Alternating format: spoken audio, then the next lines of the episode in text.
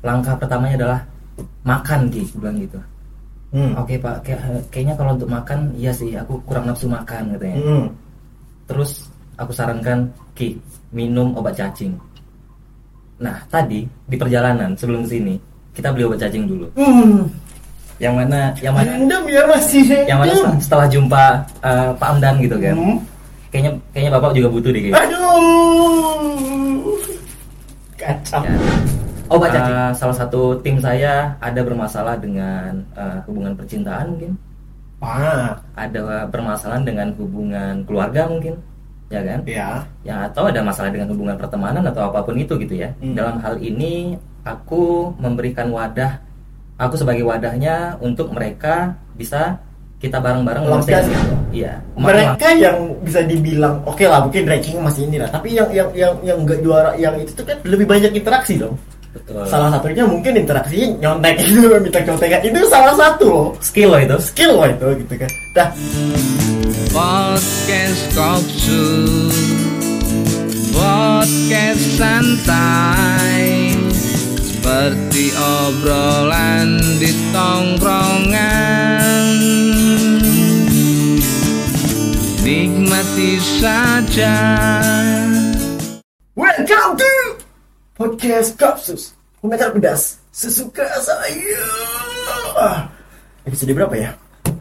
Gak ingat lima ratusan mungkin Enggak lah baru 50-an. 55 mungkin Enggak. Li- 53 Udah nggak ingat pokoknya.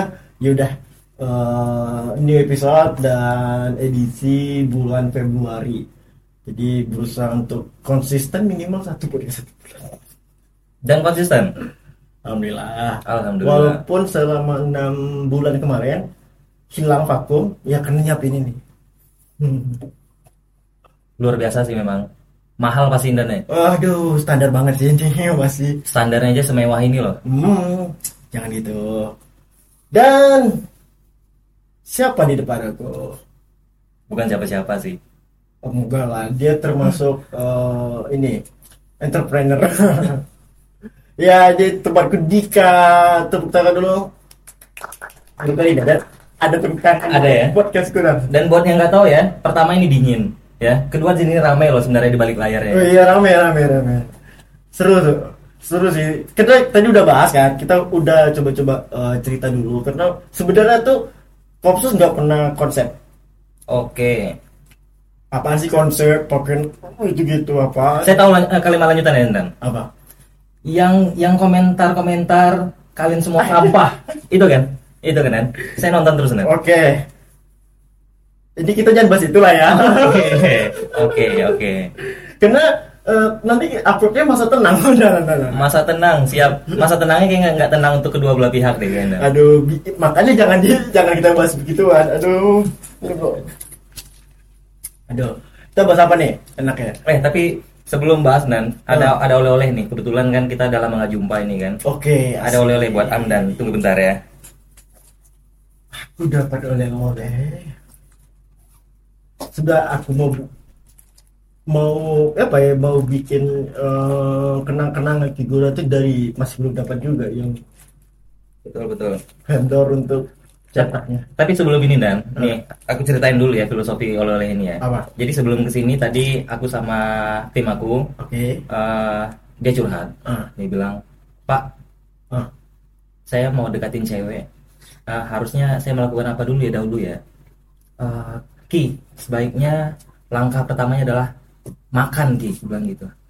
Hmm. Oke Pak, kayak- kayaknya kalau untuk makan, iya sih, aku kurang nafsu makan katanya. Hmm. Terus aku sarankan Ki minum obat cacing. Nah tadi di perjalanan sebelum ke sini kita beli obat cacing dulu. Hmm. Yang mana yang mana Anda biar masih yang mana setelah, setelah jumpa eh, Pak Amdan gitu kan. Hmm. Kayaknya kayaknya bapak juga butuh deh kayaknya. Aduh. Kacau. Obat cacing disponsori oleh klinik Obat di keluarga. keluarga. Obat di keluarga. Aduh. Sama ada lagi enggak? Beneran loh. Ada lagi enggak? Ada lagi. Apa ini pikir loh ini. Ya kan? Ada lagi. Pasti boring dong nanti kan. Hmm. Selain daripada cemilan ini tentu kita butuh lagi iya kan. iya.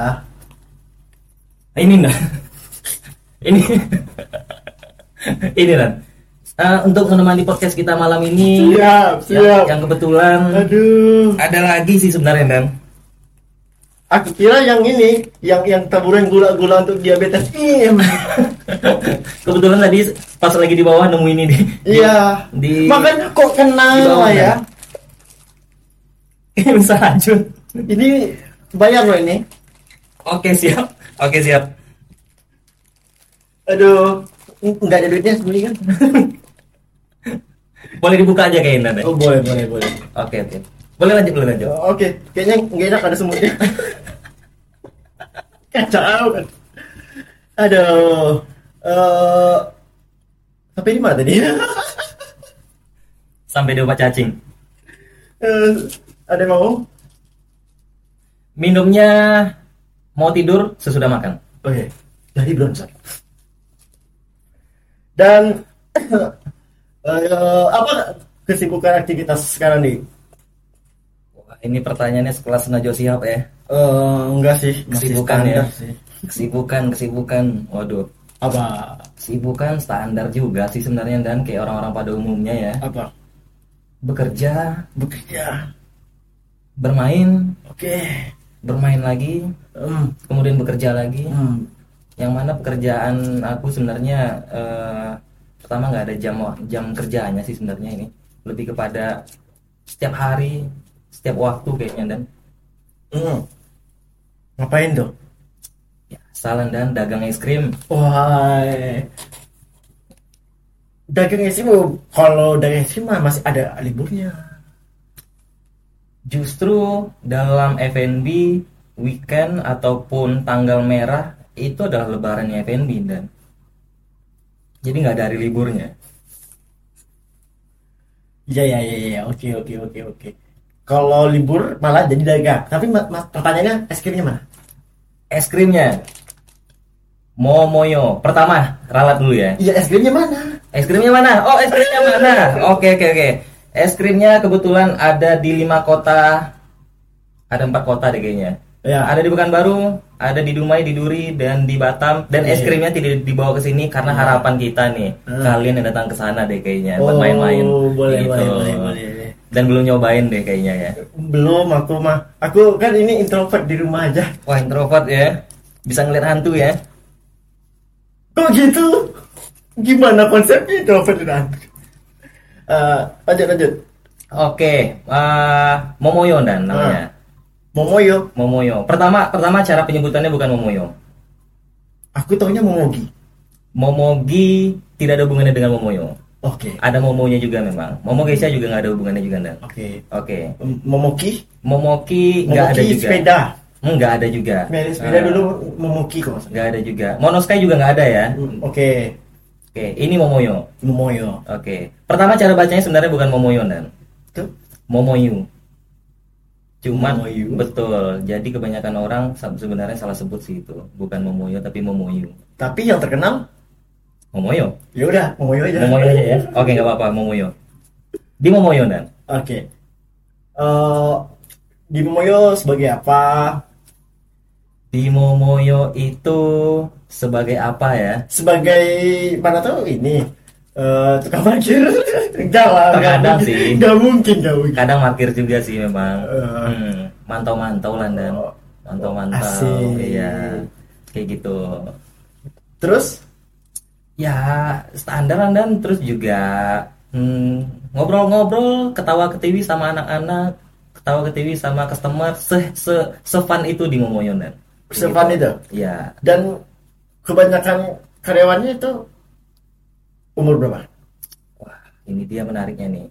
Ini kan sefun itu kan. Betul. Emang umur berapa? Betul. Pertama ini tentang fun, nggak melulu tentang karena perihal umur ya. Nah, eh, Tapi mereka itu mayoritas Asik. adalah Gen Z Oke. gitu. Kenapa? Kenapa bisa stop di bagian itu dan kayaknya menarik di bagian Gen Z ada apa ya? Enggak sih. Soalnya eh, pernah dengar keluhan gini gak sih? Kalau yang lebih tua selalu nyindir, ah angkatan di bawah kita mah nggak ada apa-apanya.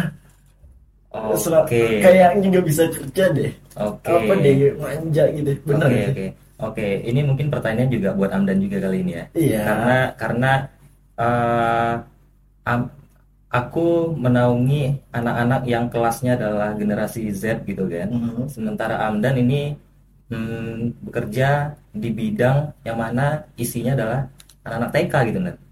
Itu Enggak, enggak TK juga, kita kan lengkap. Oke. Ada SD, SMP, SMA juga kan. Hmm, Tapi saya di bagian medianya juga, Iya jadi di bagian media juga pasti be- be- Interaksi. berinteraksi dengan Iya. anak-anak tersebut juga gitu Tapi kan. saya lebih sering berinteraksi dengan laptop saya kayaknya. Laptop atau guru TK-nya dan Laptop, nggak bersama guru TK-nya. laptop. Yakin dan ya. Enggak lah. Oke, Gen Z tadi ya Oh iya. di Momoyo. Hmm. Nah, jadi eh, kenapa bisa se-fun itu? Memang karakter merekanya memang fun itu dulu. Karena kan kita memang eh, mencari orang yang memang bisa eh, sesuai dengan kualifikasi yang kita butuhkan. Oke, berarti di loker itu Hmm. dicari lowongan ini gitu kan. Kriteria Hmm. bisa bikin fun gitu. Oke, oke. Gitu nggak sih? sebenarnya enggak sih sebenarnya enggak enggak sespesifik itu sih ya Oh. jadi begitu kita hiring ya salah satu pertanyaannya adalah sebenarnya uh, mengarah kepada mereka bisa uh, apa ya berhadapan langsung dengan customer gitu kan yang mana Hmm. dalam hal ini adalah orang-orang yang bisa menikmati pekerjaan tersebut gitu kan Hmm. apalagi berhubungan langsung dengan manusia dengan berhubungan yang kayak uh, kau cerita uh, ceritakan tadi berhubungan dengan laptop gitu kan Hmm. itu kan dua dua dua hal yang berbeda gitu Iya. kan. Nah, jadi mungkin kita di depan laptop bisa bad mood kali ya. Oh, oh. Tapi kalau kita udah berhadapan sama manusia gitu kan, ah, harus seprofesional itu itu.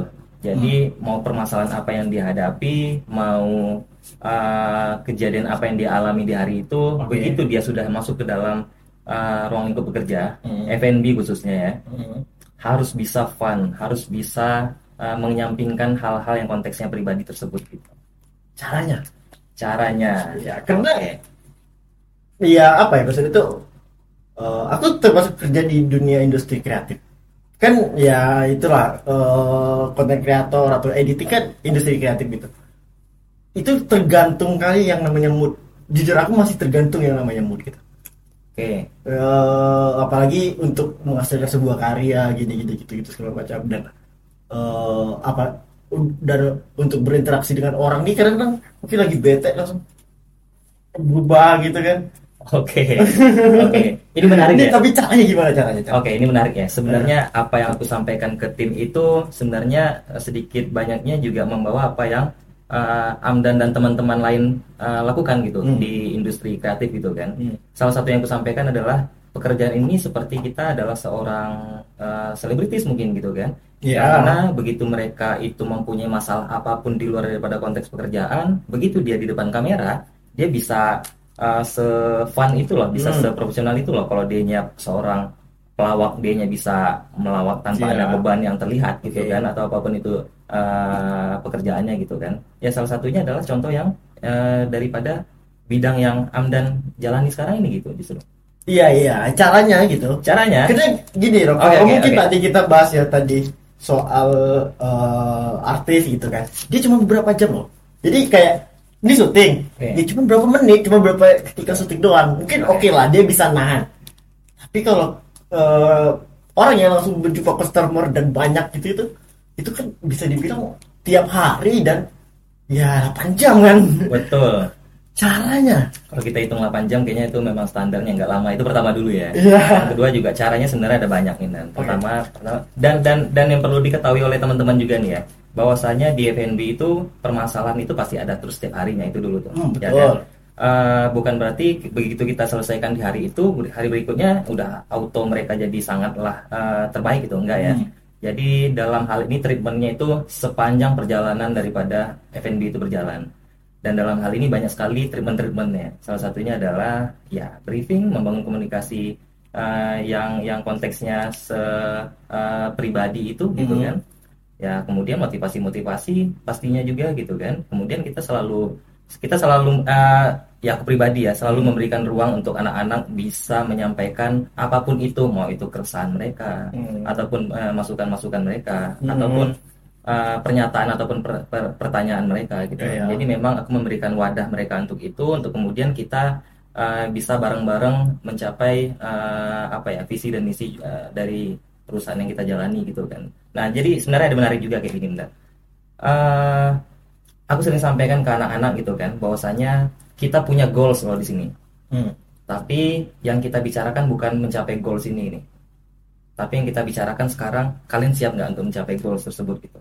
Dan ini aku terapkan sampai dengan hari ini gitu. Yang mana dalam mencapai goals daripada si eh, perusahaan inginkan gitu.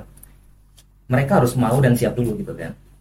Nah, jadi eh, pertama yang harus kita selesaikan bahkan bukan lagi konteksnya internal aja bakal bah- bahkan yang konteksnya internal pun juga eksternal maksud saya juga harus kita bahas gitu misal Hmm. ya eh, salah satu tim saya ada bermasalah dengan eh, hubungan percintaan mungkin Ah, ada permasalahan dengan hubungan keluarga mungkin ya kan ya. ya atau ada masalah dengan hubungan pertemanan atau apa pun itu gitu ya Hmm. dalam hal ini aku memberikan wadah aku sebagai wadahnya untuk mereka bisa kita bareng-bareng menyelesaikan Melampiaskan. itu iya Ma- melampiaskan saya dipukulin Oh, kan enggak, Ya iya, kan? iya juga. Dan mereka lagi emosi loh itu Oh, iya, iya, konteksnya iya, betul, betul. jadi gitu nah, jadi memang serinci itu loh jadi Hmm. memang permasalahan-permasalahan yang konteksnya eksternal kita selesaikan. Kemudian apabila memang kita sudah siap untuk eh, mencapai eh, ataupun bergerak bersama ya, kemudian eh, barulah kita membicarakan kita mau apa setelah ini. Gitu. Oke. Nah, jadi begitu permasalahan-permasalahan eksternal tersebut sudah terselesaikan gitu kan, eh, barulah kita memulai untuk membahas tentang SOP, job desk gitu kan, dengan eh, posisi mereka sudah siap untuk menerima itu. Gitu. Oke. Nah, jadi dalam hal penyampaian ini, inilah yang yang dibutuhkan tadi Nda, yaitu adalah leadership. Hmm. Ya, ini sebenarnya bagi aku eh, bos dan leader itu beda, Ya, jelas. ya. Pasti beda. karena kalau bos itu adalah uh, mereka menginginkan uh, operasional berjalan dengan baik dan benar. Oke. Tapi ap- apabila seperjalan eh, seperjalanannya operasional tidak berjalan baik, maka bos uh, akan mencari tahu permasalahannya ada di mana. Begitu dia mengetahui letak permasalahannya, Hmm. oke, di cut ganti orang yang profesional gitu kan. Pengennya secepat itu. Tapi dalam hal uh, dalam hal ini ya, disclaimernya dulu ya, dua-duanya baik ya. Ya, ya, oke. ya. Uh, kalau leader, kalau aku apa namanya analogikan ya, Oke. itu kayak orang yang mau memberi sapi minum. Hmm. Nah, jadi kalau kita mau mau ngasih sapi minum itu kita nggak bisa ngedorong pantat sapi dari belakang tuh kan, ya kan? Jadi caranya adalah tarik dari depan, ya kan? Kita giring dia ke dalam sungai dan kita duluan yang masuk loh ke dalam sungai itu. Baru dia ikutan masuk dan minum gitu kan. Oke. Nah, artinya ada ada contoh di situ gitu kan. Iya. Ini seru sih sebenarnya. eh aku ada bantahan maksudnya tuh eh, tentang hal yang seperti itu punya eh, kayak eh, juga statement juga kayak aku lupa siapa namanya. Tapi dia pernah ngomong gini. eh, kalau atasan Oke, mengerjakan oke. pekerjaan yang dilakukan oleh ininya, Mhm. apa gunanya punya punya anak buah? Oke. dan maksudnya tuh ya berarti dia tidak tahu fungsi dan ini segala macam ada aku lupa yang ngomong tapi aku pernah dengar seperti itu Oke oke oke. Ah, menurut aku ya, ah ah, dalam hal ini adalah menurut aku adalah seorang leader itu adalah orang yang paling sempurna dalam dalam ah, ruang lingkup itu harusnya, Oke. ya kan? Dalam paling sempurna dalam artian dia bisa mengerjakan semuanya sesempurna mungkin gitu kan? oke Dan nggak menutup kemungkinan ah, dia harus menjadi percontohan dalam artian yang memang langsung terjun langsung gitu kan? Dan bukan yang memang harus mengerjakan itu terus menerus perjalanannya seperjalanan FNB tersebut gitu kan? Kalau menjadi contoh, yang namanya juga contoh bukan berarti ya hal yang harus dikerjakan terus menerus gitu kan? Hmm. toh eh, contoh yang baik eh guru yang baik eh, akan memiliki murid-murid yang baik ya. Oke. Jadi gitu. ini seru kalau dikontrain terus ya? Oke oke. Boleh ya? Boleh boleh. Boleh ya. Tapi eh, bukannya manajemen yang baik itu ya dia, dia contoh nih. Kita bisa lari ke bola nih. Per- eh, aku nyebut pula hampir kesebut namanya. Eh ya maksudnya tuh ya kayak sekarang nih yang yang yang jadi ketua umum eh, PSSI sekarang nih. Ya kan dia bukan pemain bola tuh. Tapi dia ngerti tentang manajemen dan ya dengan hal seperti itu tapi dia tidak turun ke lapangan nah betul betul jadi tidak me- tidak eh, ya ya kalau Erick Thohir ya pasti ini yang kita yang bahas ini ya oke nyebut juga nggak apa Dan saya suka suka Thohir. saya. Betul. Komentar pedas. Betul. Suka suka saya. Betul dia. Tongkrongan ya. Heeh. Ah, Erick Thohir pastinya bisa nendang bola, bisa nangkap bola. Itu Betul, dulu ya. betul. Itu dulu analoginya. ya. Mainin bola. Hanya saja dia bukan pemain profesional. Oh ya. Ya enggak. Oh. Jadi secara secara teknis bermain bola, ya aku, aku yakin dia pasti pasti ngerti ya. Ya enggak. Terus juga Oke.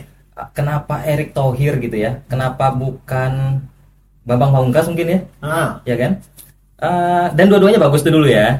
Dua-duanya Iya, oke iya. gitu. Hanya saja mungkin Erick Thohir lebih teruji ya. Lebih teruji di- karena dia pernah megang Inter Milan gitu kan. Hmm. Yang mana dia adalah eh, dia mengetahui sistem, Hmm. dia mengetahui eh, apa ya? eh, hal-hal yang di dalamnya yang mana bukan hanya perkara nendang bola doang gitu kan. Hmm. Jadi ya kayak gitu kan. Oke oke oke oke boleh boleh boleh. Eh dari Siti itu ada dua pertanyaan lagi yang eh, yang selalu melingkar-lingkar di otakku. Coba nyamuk ya. Iya. Eh apa ya? Aku bingung dari yang mana nih? Yang mana dulu nih? Pertama dari sebenarnya kuliah jurusan apa sih? Udah jelas dong dan tadi kan narasinya eh, perjalanan Oh. karir aku adalah FNB gitu kan. Hmm, FNB, Oke. manajemen manusia. Oke. Nah ketahuan dong jurusannya apa? apa? D3 perpajakan. Nyambung sih sebenarnya. Nyambungnya bukan berarti di, di perkuliahannya kok ternyata. Di Di kantin dah. aduh lingkungan. Lingkungan. Berarti teori yang mengatakan kalau anak yang juara umum di dunia kerja nggak jadi apa-apa. Oke, oke. Benar atau salah? Eh, benar sekaligus salah sih sebenarnya ya. Oke. Ya, karena sebenarnya bukan perihal apa yang dia jalani di bidang akademiknya ya, Ya. tapi tentang konsistensi gitu kan. Oke. Toh ternyata kalau misalnya dia di bidang akademiknya dianya berprestasi dan dia mengetahui dirinya itu harusnya berada di bidang yang mana gitu kan. Ah. Dia dia bisa konsisten, konsisten untuk itu gitu kan. Sama halnya kayak podcast ini gitu ya. Iya. Kan konsisten banget nih. Ya kan? Oh, ya. ya udah pasti harusnya jadi sesuatu deh ya. Ya. Jadi jadi sebenarnya bukan perihal uh, dianya juara kelas kemudian begitu dalam dunia pekerjaan ya banyak sih uh, Tapi kan tentang itu. gini gini. Gimana? Kan teorinya itu kan mereka yang juara kelas itu kan mereka yang hanya terpaku dengan pelajaran, terus ngejar-ngejar yang yang begitu-gituan. Yang sementara di dalam dunia kerja yang dibutuhkan adalah interaksi kan. Oke. Betul. Interaksi. dan mereka yang bisa dibilang oke lah mungkin ranking masih ini lah tapi yang yang yang yang nggak juara yang itu tuh kan lebih banyak interaksi dong Betul. salah satunya mungkin interaksi nyontek itu minta contekan itu salah satu loh Skill loh itu. skill loh itu gitu kan nah eh, berarti kan dia ya untuk dia meminta inter ini kan berarti dia but- eh, harus kenal juga kan gitu kan Ya. dan dia lebih banyak kan interaksi gitu Iya. dan apa ya juga kita juga tahu kan kayak eh, dia kayak berkilah eh kayak pernah aku pernah baca buku malas tapi sukses Oke. jadi eh jadi di- orang malas yang sukses itu adalah dia bukanlah orang yang lari dari pekerjaannya tapi mencari cara untuk bisa pekerjaan itu selesai lebih awal Sesimpel mungkin. bisa simple dan dia bisa untuk bermalas-malasan nah itu yang yang yang malas dan sukses itu nah eh, otomatis di kita juga di ada tugas di Oke. kita pasti waduh males banget gitu. kita cari kerja eh, cara supaya eh, kerjaan siap nilai nilai dapat ya kan Ya. tapi cepat Oke. Se- sebelum kita membahas ini, kok di bagian mana nih Dan? aku pintar kemudian bekerja tidak pada bidangnya atau eh, bermalas-malasan kemudian tidak bekerja pada bidangnya atau malah bermalas-malasan bekerja agak banyak pilihan ya oke oke atau yang mana nih? Seorang Amdan nih. Kalau aku pribadi sih aku lebih suka eh yang lebih suka atau seorang Amdan nih? Dia ya kalau Ya. dibilang eh so aku ngomong kalau misalnya aku lebih suka yang tidak juara tapi sukses ini segala macam saya aku pernah juara nih. Jadi Oke. takut juga kan? Oke. Eh, pernah juara itu di di di, di apa itu? S- SD SMP SMA tiga-tiganya aku pernah sekali doang Oke. hanya untuk uh, dapetin sesuatu hal Oke. dari dari udah Oke, oke. Sebelum lanjut nih ya. Hmm. Kenapa tidak tidak berkelanjutan dan kenapa cuma sekali doang gitu?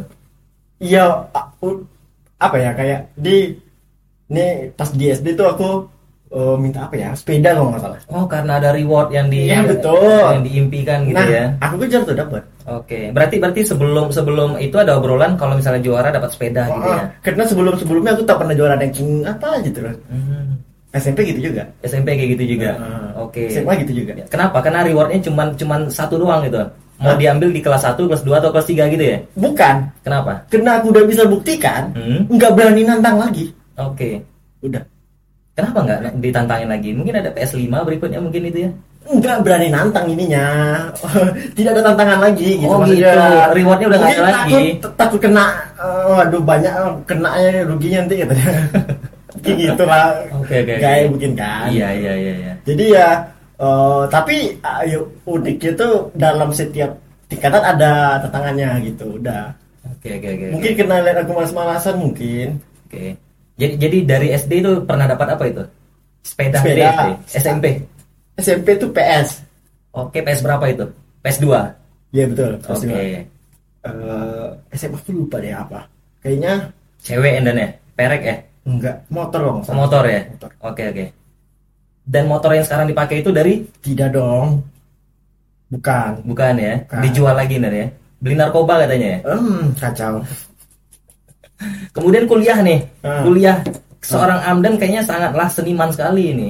Tidak terlihat eh, keseriusannya terhadap akademik nih. Apakah jawabannya karena eh, tidak ada tantangan juga? Salah jurusan banget. Salah jurusan yang penting lulus dan ya. Iya betul lulus. Tapi gitu gitu. Aku eh, eh, aku suka dalam dunia matematika. Eh, maksud itu matematika aku suka. Angka-angka ya. Eh, angka-angka tuh aku lumayan suka gitu. Oke. Eh, masalahnya terkadang aku cuma malas doang gitu Hmm, untuk ngerjainnya gitu. Ya. Eh, jadi ya kalau aku tuh suka dengan teori malas tapi sukses tadi gitu karena memang aku eh, tipikal orang yang ketika aku eh, ngerjain satu hal terus aku udah datang malasnya aku akan cari cara untuk bisa cepat aja tuh selesaiin Dan benar.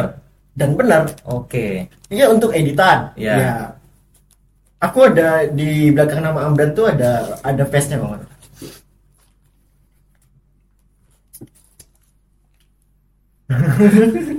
Oke, eh, sampai pada akhirnya seorang Amdan di perkuliahan yang aku tahu ini ya. iya Amdan sangatlah eh, aktif di banyak bidang loh ini. oke oke oke Stand up Indo PKU. iya Kemudian, Komunitas. oke komunitas. Kemudian yang di Batra, oke itu apakah jawaban daripada ketidaksukaan Amdan terhadap jurusan yang eh, seorang Amdan pilih di perkuliahannya? Bukan. Eh gini. Kalau manusia ini ada dua eh dua dua genre lah. Genre atau apa yang bisa dibilang. Ya dua bagian lah. Ada yang orangnya Genre, general. genre atau gender ini? Enggak, enggak. Bukan. Genre apa? Terbagi dua ya? Kayak sifatnya tuh ada Karena dua. kalau Ada gen- gender ada yang komen loh nanti. Waduh, jangan. Ada gender ketiga loh kata menurut orang-orang ya. Eh, di Thailand 16. 16 ya, oke oke. Ada dua. ada dua itu eh, ada orang yang itu general ada yang fokus Eh, mereka yang fokus itu biasanya mereka yang menguasai satu bidang Oke. benar-benar dalam gitu sampai eh, ya bisa bilang kayak profesor mendapatkan gelar profesor gitu baca dia dalam kali dengan bidang itu. Di bidang yang lain memang agak kurang gitu baca Eh, mungkin salah satunya atlet. Atlet itu mereka fokus ke sepak bola atau mereka fokus ke ini. Itu memang dalam kan. Eh, pasti kekurangannya di bidang lain itu. Nah kalau aku termasuk yang general di mana general tuh bisa banyak dia menguasai tapi nggak pernah dalam. Eh, dan ya aku tipikal yang general gitu dan bahkan itu dan hidup apa ya apa yang aku dalam alami dalam hidup aku tuh selalu gitu gitu. Dan masalahnya itu di dalam aku tuh nggak pernah berada sampai ke klimaks. Aku ikut komik aku ikut stand up comedian.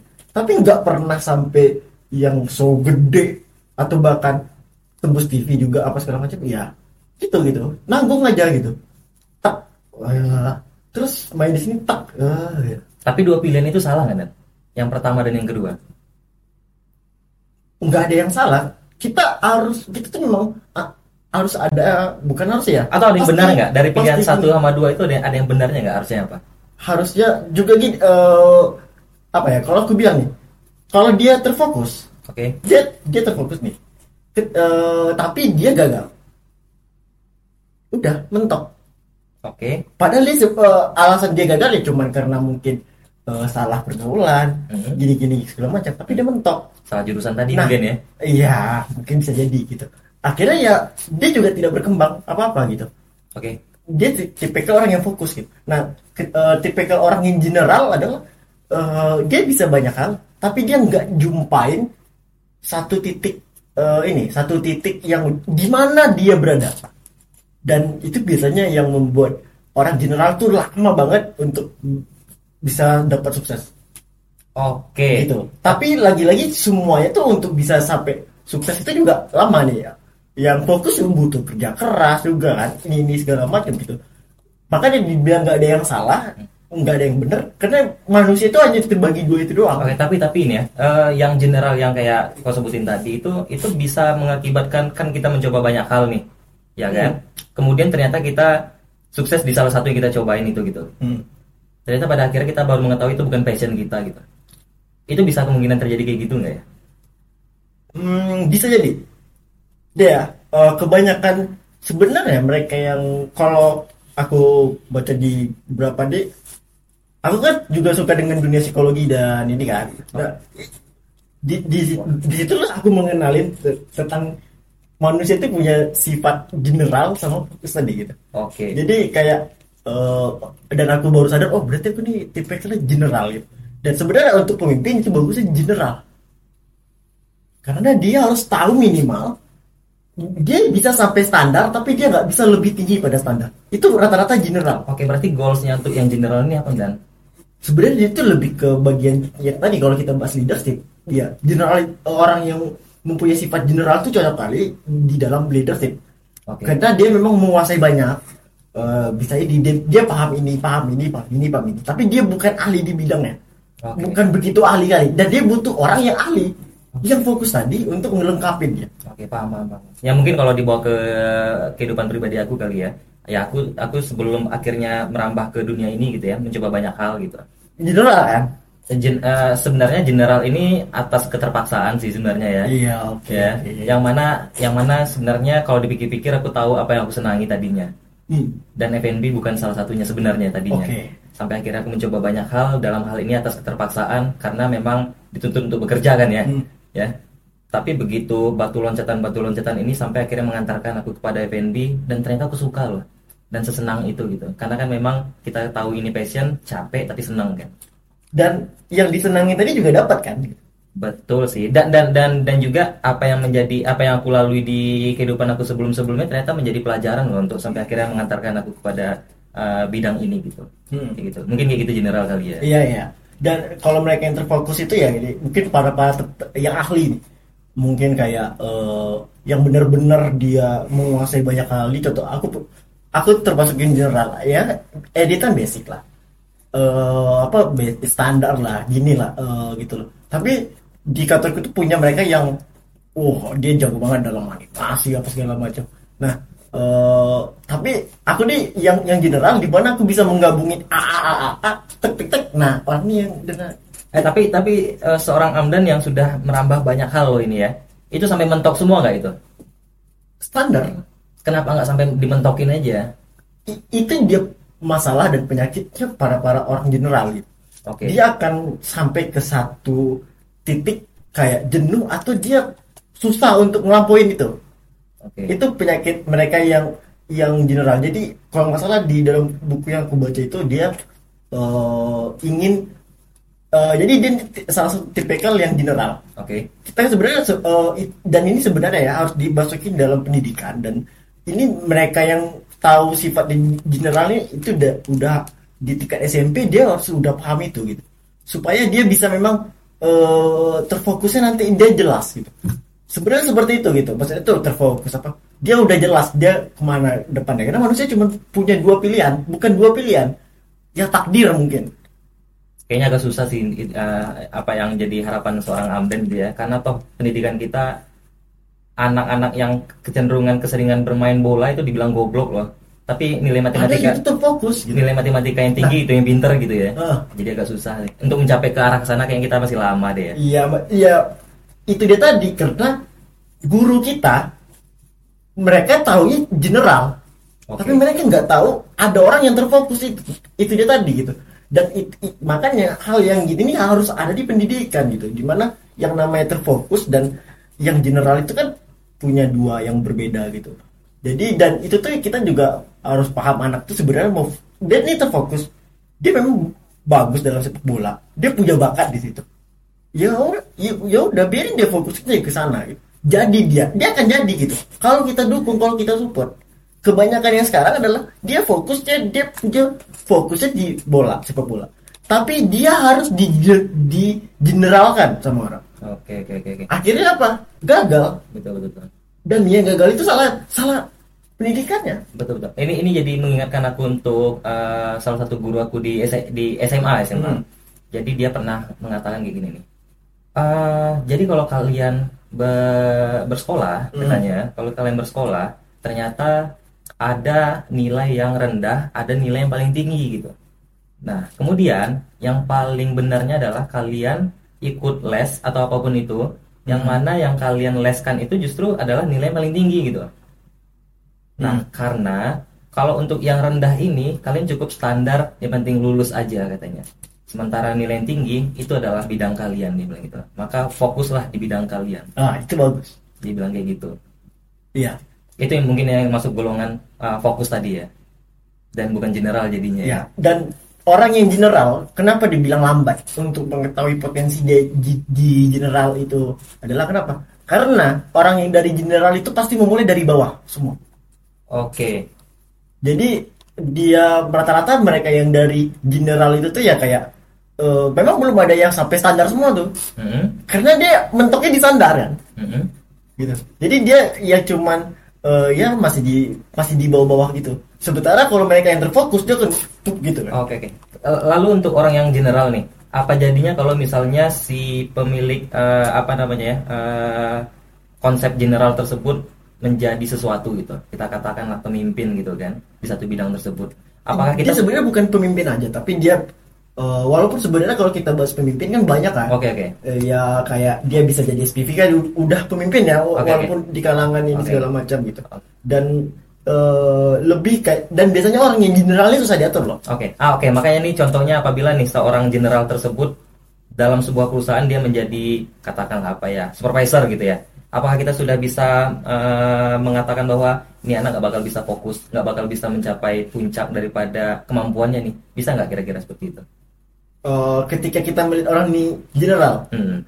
eh, dari kecil gitu Ya, mi- misal kita adalah sebuah pemimpin perusahaan gitu, Oke. dan kita mempekerjakan orang untuk menempati posisi katakan supervisor gitu ya. Oke. Kemudian kita udah mengenal wataknya dia adalah seorang general gitu. Oke. Mungkin nggak kita sudah bisa mengatakan ini anak kayaknya nggak bakal bisa Nah. maksimal deh. Akan ada pertanyaan baru di sini ini bukil kebanget akan ada pertanyaan baru pertanyaannya adalah standarnya di mana Oke. Berarti sebenarnya kalau kita udah mengetahui standarnya di mana gitu ya, Ah. di mana kita udah dapat gambarannya di awal mungkin ya. iya biasa susah berarti Mungkin nggak kita bisa menggali potensinya lebih dalam lagi gitu. Dia- Atau atau dia mengeluarkan potensinya lebih daripada eh, Gini, hari ini. Ini kan gelas. Ini kan gelas nih. Oke. Mereka yang terfokus, ya dia bisa penuh ke atas kan. Tapi Ya. mereka, ya dia cuma punya dalam apa ya? Air tuh dalam satu gelas ini. Kayaknya kayaknya kayaknya izin dulu dan. Memang ko- konsepnya kan tongkrongan nih ya kan.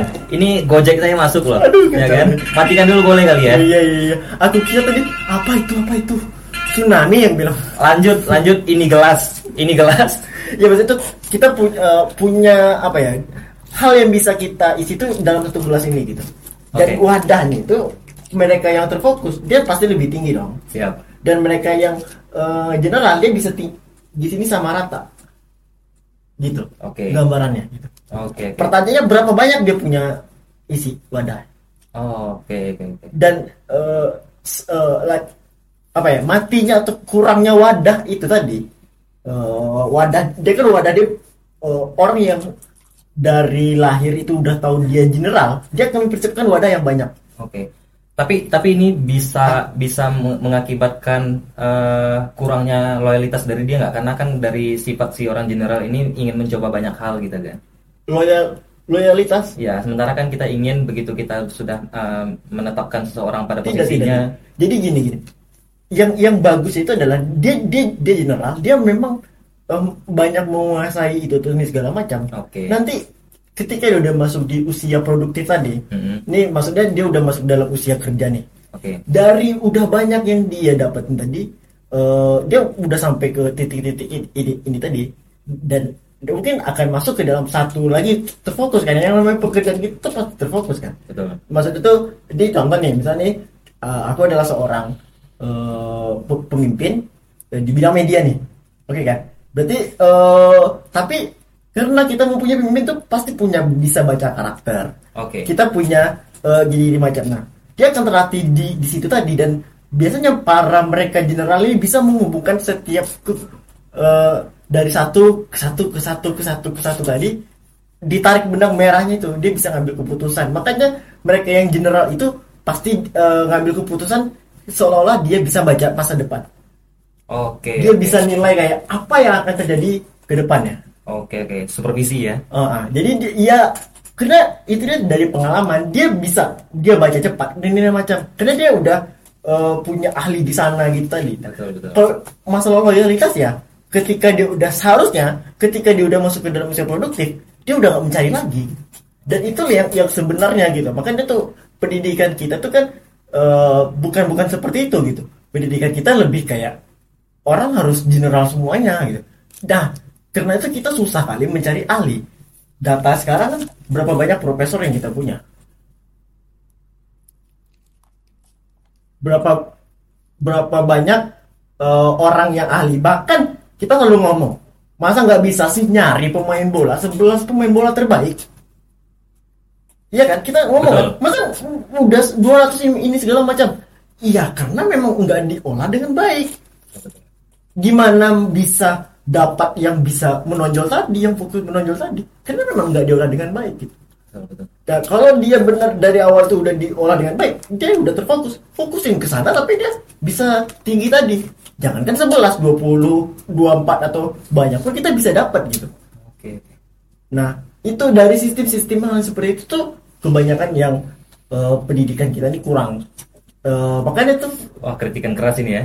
Iya, aku salah satu karena pendidikan kita Tapi nggak apa, mewakili ya. Iya, bagian aku, daripada. aku selalu membahas pendidikan terus.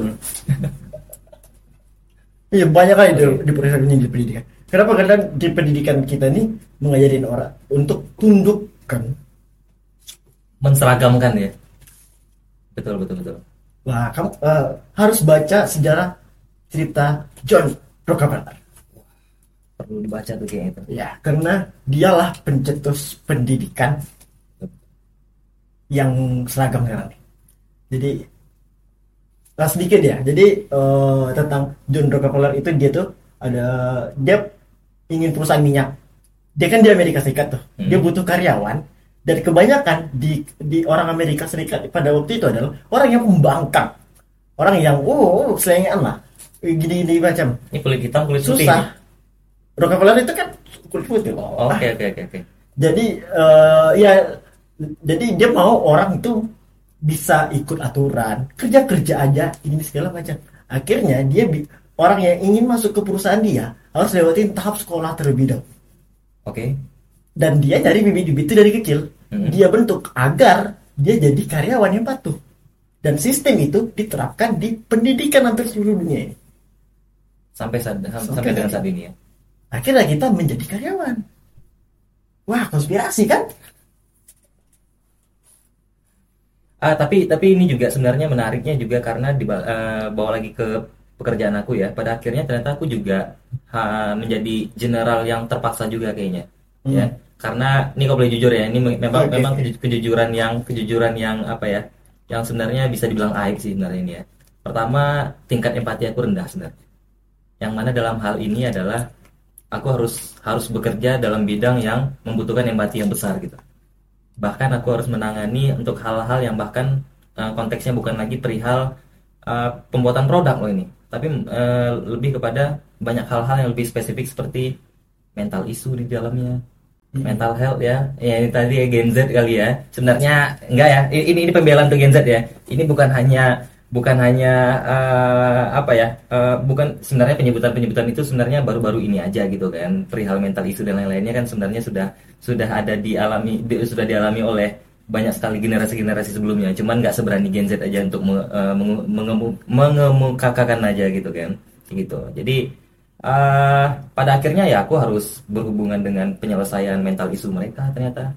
Dan uh, berhasil gitu kan. Nah ini kan jadinya hal baru lagi nih yang yang mana tadi masuk uh, seperti yang Amdan katakan uh, general dan juga fokus gitu kan. Mungkin kalau aku uh, ingin fokus doang gitu kan supaya operasional berjalan baik aja bodo amat gitu ter, ter, terlepas daripada hal-hal di luar daripada itu gitu kan kayaknya bakal gonta ganti karyawan kayaknya tapi begitu akhirnya aku menjadi seorang yang general gitu kan menyelesaikan hal-hal yang konteksnya mental isu gitu kan mental health gitu kan dan bahkan sekarang tahu penyebutan-penyebutannya gitu kan ada nama penyakit mental health itu terbagi-bagi lagi gitu kan.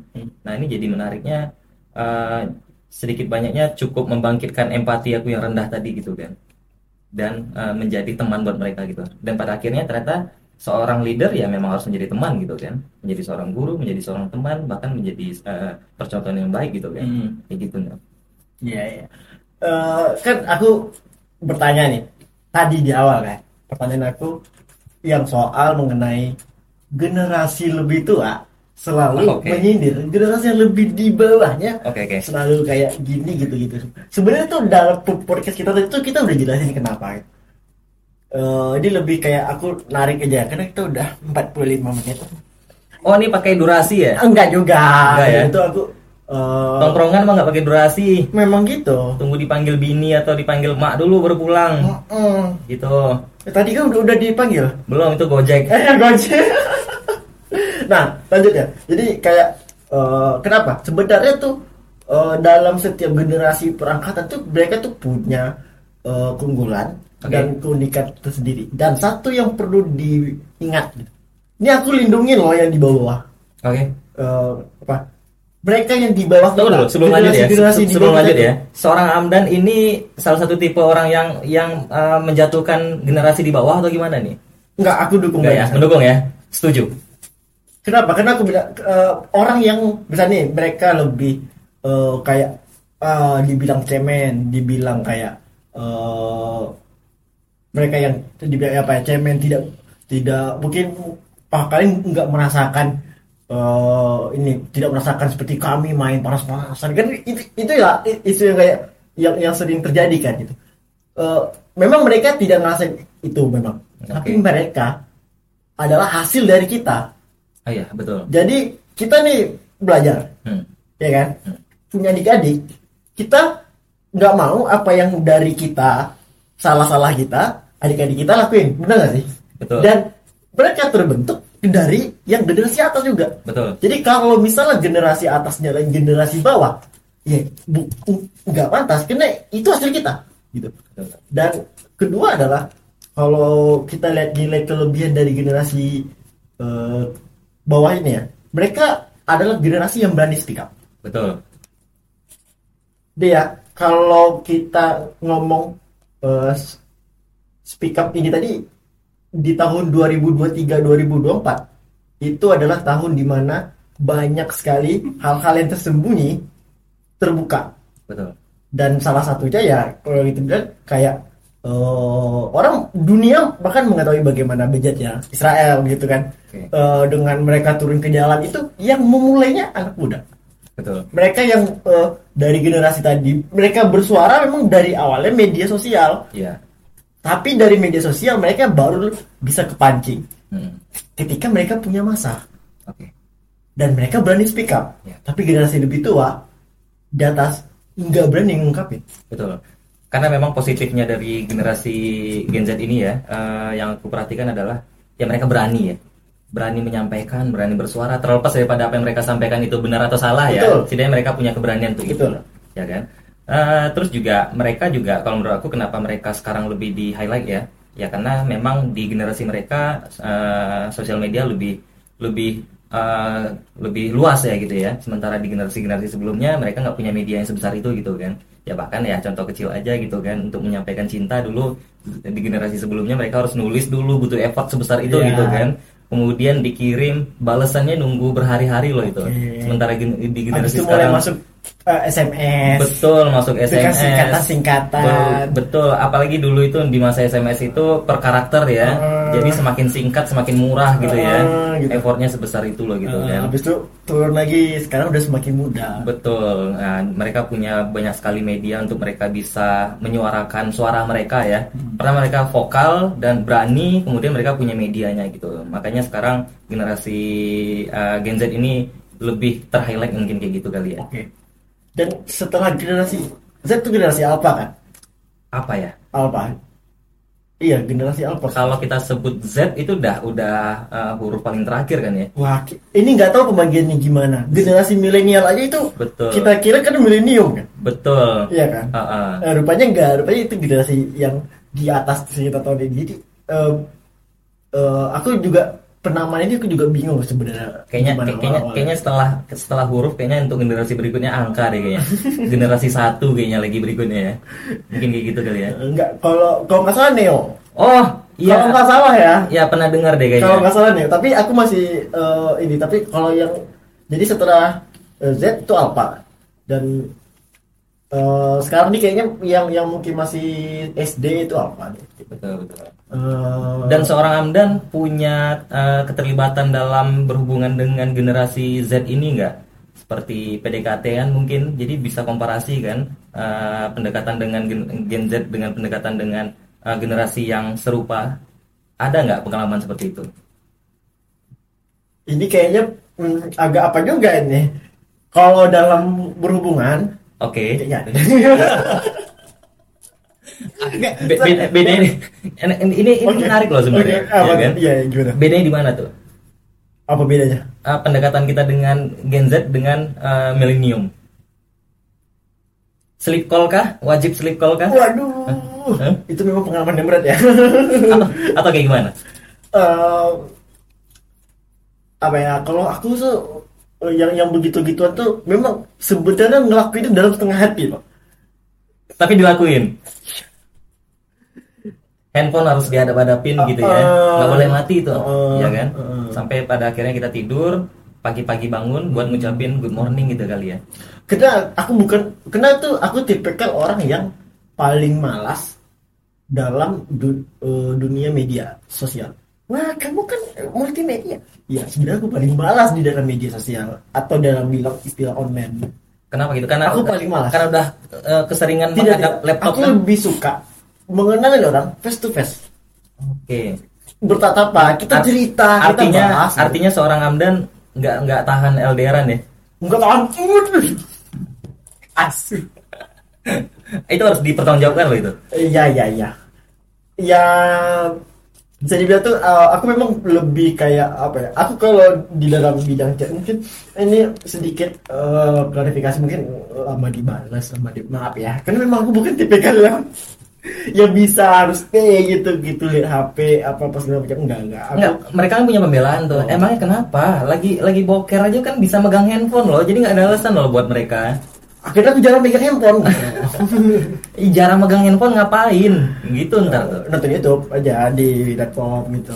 Nonton YouTube kan bisa megang handphone loh. Itu banyak sekali loh argumen Iya, yang bisa kita iya. patahkan. Iya, maksud itu Kayak kan- pura-pura mati deh dan Eh, betul nggak nggak ada cara lain deh kayaknya. Nah, di di situ dia tadi gitu maksudnya tuh masuk ke dalam yang kayak orang kan juga punya sifatnya berbeda-beda, punya pola gini dan segala macam kan. Dan aku tuh memang tipikal orang yang paling nggak bertahan aja lah ngurus chat ini segala macam. Nah, kedua ya makanya kalau kalian ini apa chat aku suka tipe ya itu apa salahnya udah Artinya seorang Paling Amdan, males seorang gitu. Amdan le- lebih senang di telepon dibanding chat gitu kali ya. Enggak juga. Aku lebih suka jumpa Se-introvert itu ternyata ya. Iya. Eh, dalam media sosial tuh bu, apa ya? Penuh ke dalam intrinsik. Oke. Eh tapi Amdan, Apa ya? Amdan memang seorang introvert. Waduh. Nggak tahu ya. Mungkin sekarang iya. Sekarang ya. terus gini gini gini Oke. jadi dulu bisa dibilang ya aku adalah orang yang harus keramaian Oke. Oh, ya buktinya masuk komunitas stand up komedi kan? Senang jadi badut panggung ya? Ah, ya buktinya masuk ke dalam komunitas stand up komedi kan? Habis itu eh, tapi sebenarnya eh, sifat-sifat in- extrovert ya itu tuh udah ada di mana ketika dalam masuk ke dalam organisasi mungkin pasti ingat tuh aku nggak nggak ikut senat kan? Oh ya tapi aku selalu Bagian- banyak berlibat Betul, terlibat dalam keterlibatan dalam senat tersebut gitu Iya. ya? Dan apa ya kayak orang aku lebih pingin berada di belakang panggung tapi aku terlibat. Sebenarnya udah ada sifat-sifat seperti itu kan? Tadinya seperti itu. Iya kan? Maksudnya sebelum sebelum, kalau- sebelum eh, menjadi komik nih. Eh, mm, enggak lah memang kalau komik aku udah dari SMA lagi oke. Jadi maksudnya tuh jadi aku tuh eh, Tapi justru- belakang, dari di belakang layar justru senangnya di belakang Tapi- layar ini Hah? justru senangnya di belakang layar justru Iya, aku di belakang layar gitu eh, untuk tapi aku yang gerakin gitu. Kayak, kayak seperti itu, otaknya Mi. Dan eh, apa ya? Tapi aku yang ini ini segala macam eh, bersembunyi gitu lah bahasanya. oke Eh, kay- kayaknya bapak akrab dengan itu. ya. Lanjut ya. lanjut lanjut eh apa ya jadi eh, namun setelah 2000 kayak kayak ngomik panggung bahkan aku banyak ikutin organisasi ini, ini segala macam juga. Ya jadi kan itu suatu hal yang kayak kontra juga. Tapi aku mau terlibat banyak tapi aku eh, nggak mau kelihatan kan. Kan seperti itu ya? Ya dan tapi akhirnya setelah pandemi ya aku melepas semua sesuatu melepas karena ternyata itu bukan bidang atau melepas karena apa ini? Aku nggak tahu ya mungkin karena udah kasihkan sendiri kayaknya. Sampai oh akhirnya Amdan menemui jati dirinya adalah seorang introvert. Eh, ya betul. Oh gitu. Itulah. oke oke. Bisa dibilang. Tapi walaupun gitu ya untuk full introvert kali ini enggak. Ya ya introvert bukan artinya pemalu ya. Hmm. Eh, lebih senang menyendiri aja. Eh, ke- di saat aku sendiri aku bisa ngembangin banyak. Hal aku bisa menyelesaikan.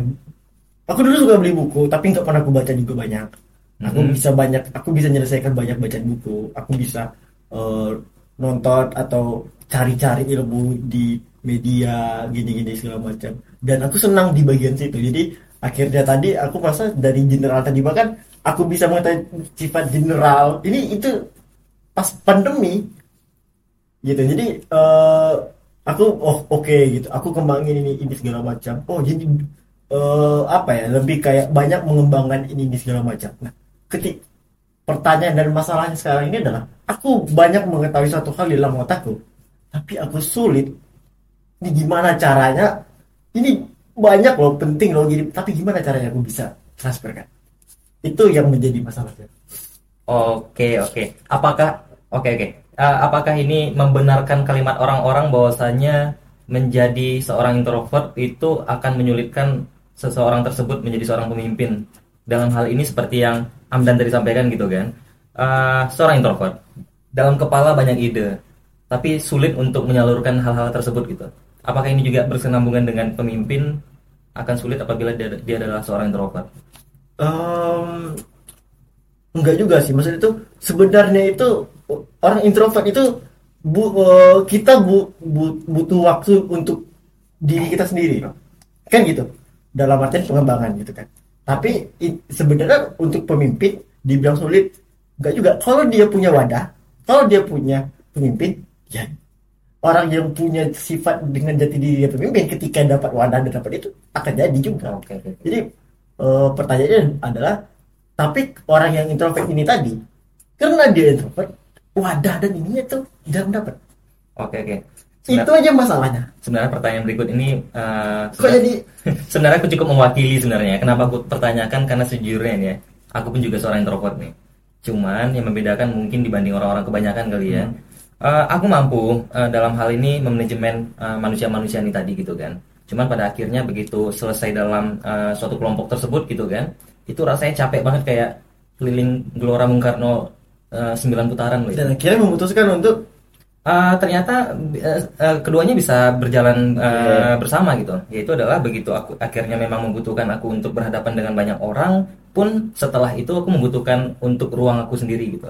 Sampai akhirnya uh, seorang Dika menjadi seorang Dika yang seperti uh, orang kebanyakan tahu, yang mana mungkin menyenangkan ya menurut anak-anak kali ya. Ini ini kenapa kayak gini nih responnya Amdan? Hmm, nggak ada. nggak ada ya ya memang kayak gitu kali ya orang introvert bertemu dengan orang introvert kali ya kayak kayak Kayak langsung langsung ada uh, su- sugestinya ya ada yang mau disampaikan aja gitu. Lanjut, lanjut, lanjut, lanjut, lanjut. ya gitu sebenarnya ya sebenarnya seorang Dika ya Hmm. itu orang pemalu Hmm. ya orang pemalu tadinya di awal-awal sampai pada akhirnya seorang Dika eh, menabrak hal-hal yang menjadi dinding eh, permasalahan dia itu adalah malu gitu kan. Ketika sudah berhasil melalui dinding tersebut ternyata sampai akhirnya ya seorang Dika tahu ternyata dia bukan pemalu melainkan introvert loh gitu. Dan dalam hal ini ternyata itu tadi ya eh, aku mematahkan stigma tentang introvert bukan pemalu gitu. Melainkan dianya memang kecenderungan uh, lebih senang mempunyai ruang sendiri gitu ya dibanding ruang yang lebih luas gitu. Cuma Oh. Apa Eh, tau nggak kenapa? Ini sorry dipotong nih. lanjut lanjut Ke- Ini yang mau aku sampaikan tadi. Sebenarnya orang introvert itu adalah orang yang punya sosial tinggi. Serius. Kenapa? Mereka yang introvert adalah mereka orang yang nih. Kau kenapa ingin sendiri? Karena energimu habis. Energimu udah habis. oke Akhirnya kamu ngecas. oke Gitu doang. Oke. Tapi ketika kamu ngecas, ada banyak orang yang butuh juga. Karena di karena orang juga banyak nih butuh juga kan. Karena apa mereka yang yang yang yang mungkin kita bagikan energinya, kita ini ini segala macam itu. Mereka butuh terus gitu. Dan ada waktunya mereka eh, kita habis ya, kita ngecas dan mereka masih butuh bingung mana nah, oh ini introvert. Jadi sebenarnya hal sifatnya begituan ada gitu. betul betul Jadi eh, kebanyakan seperti itu ya. Iya. Kedua adalah eh, kayaknya mereka yang introvert dan mereka yang energinya itu banyak tapi susah untuk dibagikan. Ada juga yang seperti itu. ada yang kayak gitu ya Ya. oke Wibu. nggak eh, saya suka One Piece ya aku nonton One Piece nonton Naruto ya Ya, ini, dia ini apakah uh, narasi tentang ketidaksukaan kepada wibu Oh tidak. Kasih wibu juga loh. Lagu lagu Jepang menukir buku. tapi wibu oke ya Hah? wibu oke ya apakah semua wibu introvert Eh, energi mereka tuh habis dalam eh, pikiran. Kena- kenapa ada stigma wibu introvert benar nggak itu Nah, itu dia yang sebenarnya aku pingin nanya. Benar nggak? Kayaknya- Nggak, kayaknya bukan, nggak. bukan. Jadi mereka itu habis untuk mengerjakan apa yang mereka suka. Oke Jadi mereka lebih milih untuk sendiri aja gitu. apa jangan-jangan karena memang mereka eh, mereka bukan introvert ya tapi mereka itu punya kece- ke- kecenderungan akan menjadi diri mereka kalau memang dalam eh, apa ya eh, kelompok mereka gitu Bukan. bukan juga ya Mereka punya dunia sendiri. Dunia fantasi. mereka halu gitu maksudnya Bukan dong, bukan halu juga fantasi itu maksud itu. Dia kan eh, cerita nih, kan kayak ini di One Piece.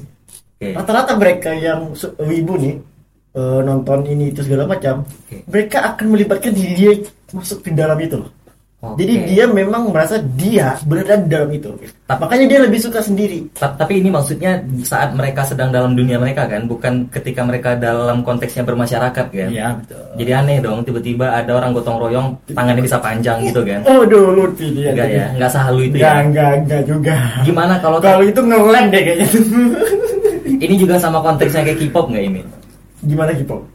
Ya K-pop kan banyak orang. Gak apa-apa, serang, serang, Mancing. serang, Nggak, saya suka eh Cherry Bell bukan K-pop ya. Ayo dong K-pop ya. Apa ya? Eh eh, apa ya? EXO, EXO. Saya pernah dengerin EXO. Itu ya. Oke, oke, oke. oke. Amdan doang nih nggak suka K-pop nih. Ya, iya ya. Iya. Iya, iya. Nggak suka K-pop. Oke, oke. Apakah K-pop juga termasuk sama kayak Wibu nggak? Punya dunia sendiri. Beda dong. K-pop itu komunitas lebih solid. Oke, jadi wibu itu nggak ada apa-apanya sam- sesampah itu gitu ya maksudnya? Enggak juga. Jadi apa maksudnya? Iya, kok sampah sih mereka yang yang punya yang, Iya kan? yang, yang luar biasa dalam Iya imajinasinya bisa bilang sampah loh. Enggak, enggak, enggak, enggak. Ini ini ini cuma bertanya loh ini, ya kan? Karena menurut aku wibu Oke, itu kan iya, iya. solid gitu Iya, kan. iya, iya. Wibu solid, Nah, K-pop solid gitu. Cuman Amdan katakan bedanya wibu eh K-pop solid. Artinya wibu nggak solid gini. ya? Kalau uh, wibu itu biasanya dia uh, dalam komunitas yang sedikit terbatas kan. Maksudnya itu uh, tidak begitu banyak. Terbatas. Tidak begitu banyak gimana coba? Mereka besar loh.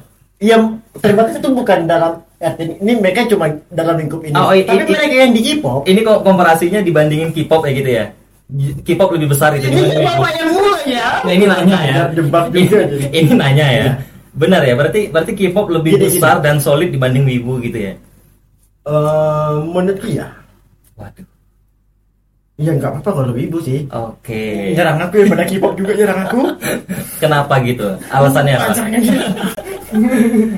Oke, kenapa kenapa K-pop bisa lebih solid dan besar dibanding wibu? Eh, ini Jepang sama Korea ya? Betul. Oh. Dan ini konteksnya apa dulu nih besar dan solid? Ini konteksnya mereka ini positif apa negatif ini? Maunya maunya apa? Ya karena ada besar dan solid dibubarin kan? Oh ya, ada, Nah, ada sih. nah ini besar Nggak, nggak. besar dan besar dan Gini, solidnya ini konteksnya apa dulu nih? Kalau mereka yang suka K-pop itu kebanyakan eh, lebih besar karena memang eh, lebih ramai dan lagi ngetren kan. Sekarang di- dan kebanyakan mereka yang wibu kan di angkatan generasi Z eh, ya. Enggak sih milenial sih. Milenial kan? Iya, Wibu. milenial. Wibu, wi- wibu kayaknya me- menyentuh se- segala generasi. Iya, yang paling banyak milenial. Eh, dari mana dapat eh, ininya coba? Kenapa bisa bilang milenial paling banyak? karena tuh eh, karena kebanyakan yang diputar kayak eh, dia mereka eh, memulai ini kenapa mereka suka ini kan ada pemancingnya kan Oke. karena di pada zaman zaman itu kebanyakan kartun-kartun Jepang itu tiap minggu ditonton itu Betul. angkatan mana gitu Iya. nah gitu sementara di bawah-bawah ini eh, itu mereka lebih mengenal dunia K-pop Oke. dan dunia K-pop itu angkatan apa angkatan Z yang di mana jumlah mereka itu lebih banyak daripada milenial Ya, kenapa kenapa bisa analoginya karena hanya karena kita dahulu yang menonton itu kemudian bisa ada kalimat ki- eh, generasi kita lebih banyak dalam perwibuan ini dibanding generasi Z gitu. Kan mereka juga bisa ngikutin sebenarnya. Ya enggak? Iya, ini pemancingnya itu tadi. Apa? Pemancingnya kan lebih banyak eh, eh, mereka yang dari milenial. Karena generasi itu tadi dia nggak ngerasain bagaimana pagi-pagi kita menunggu Doraemon, menunggu eh, kok detektif Conan, menunggu Hamtaro. Ah, itu tiap pagi kita tungguin terus. Ke- kebangun jam 6 itu nangis itu gara-gara Oh, oh. ketinggalan Conan ya. Mm-mm. Ya, mereka nggak ngalamin itu sih memang. Cuman kan mereka bisa nonton itu sekarang nggak perlu nungguin kayak kita. Nah. Mereka bisa nonton YouTube aja udah. Nah, mereka nonton YouTube banyak pilihan. Yang keluar di kebanyakan di FVP ini segala macam kan mereka yang yang yang lagi ramai sekarang dong. Oke. Dan eh, ya Wibu itu tak ada juga yang keluar tapi kan eh, tidak begitu banyak juga gitu. Sementara kita pagi nggak ada hiburan yang lain selain TV. Oke. Balik lagi ke Dan pertanyaan. kita cu- cuman punya satu yang harus kita lihat gitu kan. Oke lah. Mereka banyak pilihan gitu. Oke, oke. Ini ini balik lagi ke pertanyaan awal tadi ya. Iya. Anda jangan kabur-kabur dari pertanyaan awal ya. Kenapa Apa? tadi ada sebutkan K-pop lebih besar dan solid ketimbang Wibu? lebih besar lebih aku bilang lebih besar dan soal itu gini eh, K-pop itu lebih terbuka kalau aku lihat Oke. kalau terbuka itu mereka banyak nih eh, lebih lebih kayak terbuka dengan yang lain gitu kan tidak kalau wibu kan lebih introvert kan mereka lebih kayak sesama mereka gitu kalau K-pop mereka lebih agak rame bahkan kalau macam-macam diserangnya kan gitu kan Serang maksudnya eh, seorang K-pop ini anarkis ya? Hah? Anarkis K-pop ya? dia bukan anarkis melindungi diri melindungi orang yang udah menghina dia Loh, bukannya ketersinggungan itu diambil ya? Kenapa mereka tersinggung dan menyerang? gimana coba diambil Ya, kalau tersinggung misal nih saya bilang kan Amdan, Amdan jelek gitu misalnya ya. Heeh. Amdan ada pilihan dua itu tersinggung atau enggak gitu kan? Heeh. Ya pilihannya mau diambil apa enggak gitu kan? Berarti artinya seorang K-pop begitu ada hal-hal yang konteksnya eh, apa namanya membahas mereka, mereka udah pasti tersinggung gitu ya. Mereka gampang tersinggung ya maksud seorang kalau ya? ngebahas yang positif oke Emang, Kalau- eh, emang, karena- eh, emang ada yang ngebahas eh, K-pop dengan konteks negatif ya? Ya maksudnya tuh gini loh, K-pop kan ketika dihina itu dia, idola dia, apa dia parah marah. Emang ada yang ngina ya? Hah? Emang ada yang ngina K-pop ya? Kan K-pop kan sangat positif. Mereka itu bahkan ada Lah melakukan buktinya kan banyak juga. A- a- apa apa contohnya? ya kan banyak juga kasus-kasus itu. Ini kurang ajar juga ini. Ya tahu lah gitu. Jadi kayak eh, ketika eh, mereka lebih kayak ngeproteknya itu kan mereka kuat juga solid kan. Jadi ketika ada yang mencoba untuk ganggu ya mereka eh, protect gitu kan. Betul, betul. Sementara wibu ketika ada yang ganggu ya bodo amat gitu kan. Gitu. Se- se- walaupun juga dia tetap ya. ada yang protek eh, walaupun sekali mereka protek juga gitu. dan kalau K-pop lebih kayak eh, masih agak lebih terbuka kalau yang wibu kan lebih agak tertutup gitu Padahal K-pop sama Wibu sama positifnya loh sebenarnya. Ya sih, positif Iya ya. yang bilang negatif siapa Betul betul betul. Set, ada banget K-pop negatif nggak Iya, ada tapi kan ada yang yang menganggap mereka negatif kan? Ya seperti bapak bilang tadi mereka disinggung-singgung kan?